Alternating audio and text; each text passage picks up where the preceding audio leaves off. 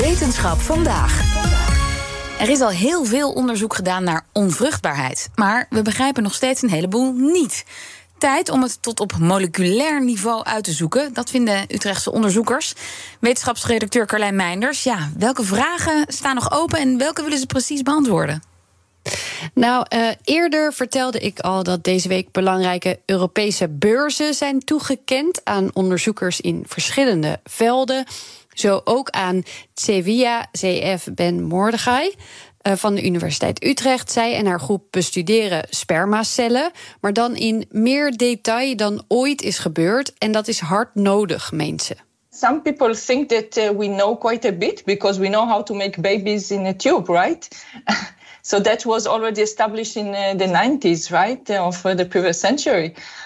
But I think when you start to talk in the clinic, you realize that uh, we still have a lot of problems, and the efficiency or success rate is very low. Hmm, het gaat toch gewoon nog niet goed genoeg, dat onderzoek? Nou nee, ja, gemiddeld is er bij uh, IVF bijvoorbeeld na één poging uh, zo'n 20% kans op succes.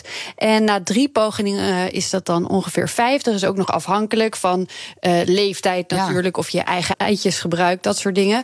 Um, nou kan het ook aan gigantisch veel factoren liggen dat het niet werkt. Zowel dat het natuurlijk niet werkt, als uiteindelijk ook niet met hulp.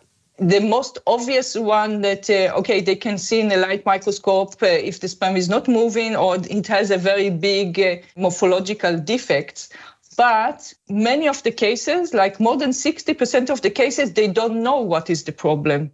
Dus in 60% van de gevallen weten ze niet waarom het niet lukt. Ja Ja, meer dan 60 procent. Ja, dat is enorm veel. Ja. En natuurlijk uh, gaat het dan niet altijd mis bij de spermacel. Maar ook van die cellen weten ze het gewoon vaak niet precies.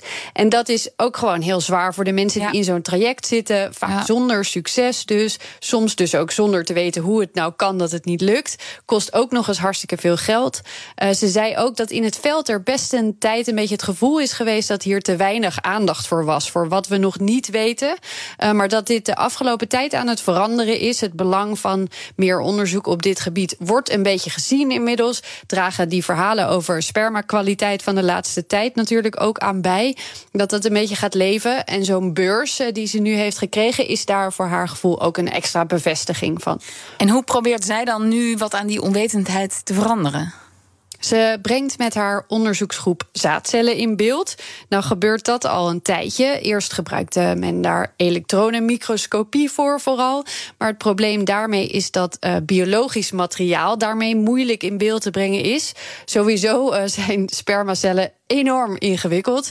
Uitermate gespecialiseerd, uh, super complex. Hm. Ze worden gemaakt in het ene organisme, maar moeten functioneren in een ander organisme. Dat is eigenlijk heel bizar. Ze moeten zo gemaakt worden dat ze een enorm pittige reis overleven. En daarna moeten ze nog doen waar ze eigenlijk voor bedoeld zijn. Uh, je kunt ze ook niet even opkweken in het lab, bijvoorbeeld, zoals nu met veel andere type cellen wel gebeurt. Ja, je zou bijna medelijden met ze krijgen. Maar goed, maar hebben ze daar iets op gevonden? Uh, zij zijn om die reden uh, cryo-elektronenmicroscopie gaan gebruiken. Een techniek die in 2017 nog de Nobelprijs voor de scheikunde won. En waarbij je kwetsbare biologische moleculen bevriest. En ze dan in extreem veel detail kunt bekijken. En ze denkt dat het daarmee eindelijk mogelijk wordt om veel beter te begrijpen waarom een spermacel in sommige gevallen zijn werk niet goed kan doen. En hebben ze met die techniek al belangrijke dingen kunnen zien? Ja, ja, in het afgelopen jaar hebben ze daarmee op eiwitschaal stukken van de staart in beeld gebracht van de spermacel. Ze vonden 65 verschillende soorten eiwitten, waarvan sommige nooit eerder waren gezien. One important uh, aspect was that we identified this protein, but also we put them in place. So, in a way, if you see it as a, maybe a machine that you need to know the component, we found the component. But also we know how they are arranged together, so how the machine is built. Hmm, dus we zagen niet alleen welke eiwitten er zaten, maar ook waar ze zaten. Ja, ja, en dat maakt dus enorm veel uit. Elk eiwitje heeft een vaste plek in de machinerie van in dit geval een deel van de staart van die spermacel. En als je weet welk onderdeel in dit voertuigje waar hoort te zitten, dan kun je op deze schaal gaan hm. kijken als er iets mis is. Waar gaat het dan mis? Ontbreekt er ergens een eiwit of zit er misschien eentje verkeerd? En wat ze ook hebben gezien is dat tussen de spermacellen van zoogdieren op deze schaal enorm veel verschillen zijn. Dat zegt dus ook iets over hoe representatief het is om spermacellen van dieren te gebruiken in onderzoek naar vruchtbaarheid. En, en wat willen ze nu met deze beurs die toegekend is gaan doen? Ze willen gaan kijken hoe spermacellen zich transformeren van voorlopercellen, genaamd spermatiden, naar volwassen spermacellen die zich kunnen voortbewegen. As I told you, we realized and we showed uh, how different are sperm. So they have very unique uh, shape. But uh, they do start by uh, from uh, kind of round cells. So the project is really trying to understand on the molecular level how do we get from a round sperm to a very highly specialized cell. Ja, en in dat proces kan dan vast ook weer van alles misgaan.